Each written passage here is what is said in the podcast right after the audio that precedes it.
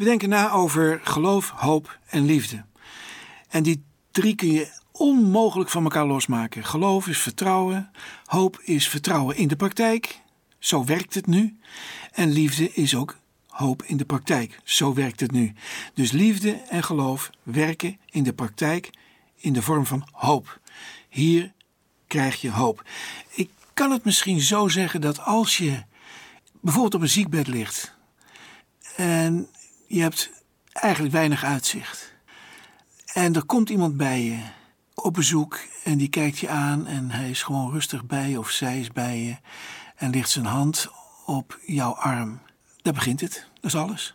Geen grote boodschappen, geen enorme vergezichten, maar die ene hand op die arm van de zieke is de hand van de hoop. Kan mezelf heel goed herinneren dat ik zelf in de intensive care lag. Ik heb daar 50 dagen in coma gelegen. Ik heb er uiteindelijk drie maanden in de intensive care gelegen. Er is gevochten voor mijn leven. En als mijn zoon dan kwam op maandagavond, iedere maandagavond kwam die, dan legde hij zijn hand op mijn rechterarm. En dan viel ik soms in slaap en dan had ik de indruk dat die hand daar bleef. Die bleef daar. En dan werd ik soms wel eens wakker later en dan dacht ik, hé, wat ga ik voel die hand nog steeds, maar hij is weg. Nou, ik voel die hand nog steeds, maar hij is weg. Als je dat nou eens vasthoudt. En niet allemaal woorden, maar die aanwezigheid dat God bij je is. In een mens, in iemand, maar ook zelf. En zelfs als die mens weggaat of als God weg zou zijn, dat je de afdrukken van zijn hand nog op je arm voelt. En de doktoren hebben nog helemaal niet in de gaten waar het allemaal naartoe zal gaan. De familie is bezorgd. Maar dit is hoop. Aanwezigheid, liefde, nabijheid. En het laat toe dat je die hoop ook krijgt dat je zegt van ja, maar dan, dan is het ook goed. Dan mag er gebeuren wat er gebeuren gaat, maar het is goed. Nou, Isaac is een geschiedenis ja, die ja, aan de ene kant heel mooi is. Aan de andere kant zitten er ook hele tragische punten in. Daar komen we ook nog over te spreken. Maar wat er eigenlijk eerst gezegd moet worden is natuurlijk zijn naam. Hij lacht. Of gelach. Of God doet jou lachen. Dus dat knulletje werd opgevoed. Hij liep tussen zijn ouders in. En iedere keer zeiden ze: Hey, lach. Hoe gaat het met je? Hey, lach. Goedemorgen. Hey, lach. Ga je lekker slapen? Ik dek je toe. God heeft je doen lachen. Dat mannetje dat was voortdurend een herinnering aan het moment dat Abraham en Sarah allebei lachten omdat ze hoop kregen. Hoop tegen beter weten in. Nou, dat manneke, dat groeit op en we kennen dat verhaal. We hebben gesproken over dat ernstige moment van die binding toen hij 37 was ongeveer. En dat hij door zijn vader op een offerplaats werd gebracht en daar gebonden werd. En dat zijn leven geruild werd met een ram, een mannetje schaap. En dat zijn leven dus mocht doorgaan terwijl een plaatsvervangend lam voor hem stierf. Hij is de lach van Golgotha. Dat klinkt heel raar, maar ik heb gelachen, zou je kunnen zeggen, bij Golgotha. Dit gaat niet natuurlijk, het is een rare, een rare combinatie. Ik bied meteen mijn excuses aan, maar ik hou het vol. Golgotha geeft ons een lach op ons gezicht. Het onmogelijke werd mogelijk. Hij heeft de breuk, de scheiding tussen God en mens overbrugd aan het kruis van Golgotha. Wat onmogelijk werd gehouden, is toch gebeurd. God heeft ons doen lachen. Dat is bij het woord dat Christus uitspreekt aan het kruis. Het is volbracht. Waarin we in alle stilte staan en ontroerd zijn en dat gelovig aannemen wil ik nu eigenlijk in deze zin ook het woordje Isaac uitspreken of Yitzhak. Lach. Dit brengt een lach, want jij bent niet God. God heeft het zelf opgelost. En jij bent gewoon een sterveling die eigenlijk niks verdiend had. Je lag op een offertafel, maar je bent geruild. Je mag leven. Leef dan ook. En ik zou erbij willen zeggen, lach dan ook. Want God heeft gedaan wat wij onmogelijk hielden. Nou, deze Isaac die zaaide in het land en hij oogste honderd keer zoveel als hij gezaaid had, want de Heer was goed voor hem. Hij werd rijker en rijker, staat er in de Basic Bijbel in Genesis 26 vers 13. Genesis 26 vers 13. Daar staat hij werd rijker en rijker totdat hij heel erg rijk was geworden. Hij had zoveel schapen, geiten, koeien, slaven dat de Filistijnen jaloers op hem werden. Ze gooiden de waterputten dicht die vroeger door ze de knechten van Abraham waren gegraven. Nou, dat is interessant. Wat doet jaloezie? Jaloezie doet iets om de ander te verminken, waarbij je zelf ook verminkt wordt. Dat is raar.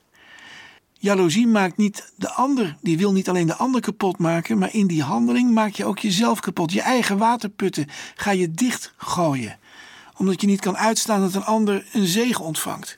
Hoeveel verbitterde mensen zijn er die zeggen: Ach, had God me maar gezegend met gezondheid. Waarom doet hij dat bij een ander wel? En daarmee worden ze verbitterd en nog zieker. Raar is dat. Er is een oud verhaal uit Macedonië dat zegt dat God s'avonds door het land zwierf en op de deur klopte van een boer. En die boer liet hem binnen en die gaf hem een maaltijd en een slaapplaats. En God zei: Morgenochtend mag je een wens doen, die zal ik vervullen aan jou, maar ik zal hem ook dubbel vervullen aan je buurman. Nou, daar heeft die boer over nagedacht. En de volgende ochtend kwam God uit zijn bed. Een raar verhaal natuurlijk. En God vraagt aan de boer: En wat wilt u nou dat ik zal doen? Wat ik aan u zal doen en wat ik dus dubbel zal doen aan uw buurman. Dan zegt die boer: Steekt u mij maar één oog uit. Met andere woorden, maak mijn buurman volledig blind. Ik wil wel half blind zijn als hij maar geen geluk heeft. Zo werkt jaloezie. En die Filistijnen die gooiden de waterputten dicht die vroeger door de knechten van Abraham waren gegraven. Je moet je eens voorstellen wat een waterput betekent. In een droog land. Wat is dit? Ziek. En Abimelech zei tegen Isaac: Ga hier weg, want je bent veel machtiger geworden dan wij. En dan komt de reactie van de lach. Yitzhak, Isaac. Hij die lacht. Of hij die door God is gaan lachen. Toen vertrok Isaac daar met iedereen die bij hem hoorde. Hij vertrok. Hij vertrok. Wat is dat voor een houding? Dat is een houding van het verbond. Dan durf je te vertrekken. En hopen op datgene dat God heeft beloofd, namelijk dat het jou goed zal gaan. Isaac vertrok en dat kon hij met opgeheven hoofd doen, omdat hij eigenlijk tinkrijk was, laat ik het zo maar even zeggen. En eigenlijk ook de lach heette. En dat hij een verbond had. Het zou goed komen, dus dan kun je ook wat incasseren. En hij schoot niet in de agressie. Ik moet hier wat van leren. Hè? Ik denk dat ik hier aan het leren ben. Gedraag ik mij als een koning of als een miserige, rancuneuze kleine man? En hij ging in het dal van Gerar wonen. Daar groef hij de waterputten weer op die in de tijd van zijn vader Abraham waren gegraven en die door de Filistijnen waren dichtgegooid. Hij gaf die putten weer de namen die zijn vader eraan had gegeven. Daarna groeven de knechten van Isaac in het dal en vonden daar een bron met stromend water. Dat is kostbaar. Maar de herders van Gerar maakten ruzie met de herders van Isaac en zeiden: Dit water is van ons. En daarom noemde Isaac die put Ezek, ruzie, omdat ze met hem over die put hadden geruzied. En dan gaat hij weer verder. Toen ze een andere waterput groeven, ontstond er ook ruzie. Daarom noemde hij die put Sitna, vijandschap. En hij vertrok daar weer en groef een andere put. Isaac vertrekt. Is hij dan een vluchteling? Waarom vertrekt hij iedere keer als het erop aankomt? Of is dat de edelman, de koning, die een belofte op zak had van land en een verbond met de toekomst van God met Israël?